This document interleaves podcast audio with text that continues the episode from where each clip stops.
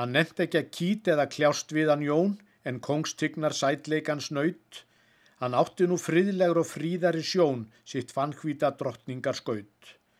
Að vísu fannst sjól ekki víkin svo góð í voldugan keisara stað en kongat hún haft meðan heimurinn stóð, hans hátign var ánað með það. Sá draumur var indell og oft hef ég þráð að eiga mér borgir og lönd og metta þar alla sem mæn eftir náð úr mildastri landsföður hönd. Og þá fengi heimurinn hraustlegan flokk og hofmannalegan að sjá, hvern prófast sem réttur fær riðið á skrokk að rittara gerði ég þá. Hann jörundur fann nú að fótum sér lagt það fólk er hann mest hafði þráð. Hann fann hann gatt hengt það í fám orðum sagt, hann fann hann var kongur af náð.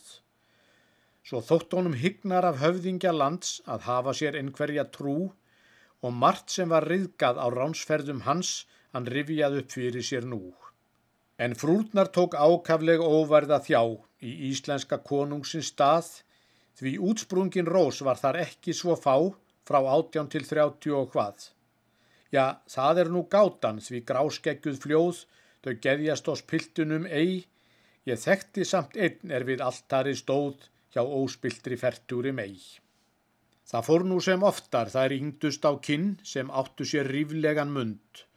Þar gegðist út róði í hitt gullleita skinn og geðslægið skánaðum stund.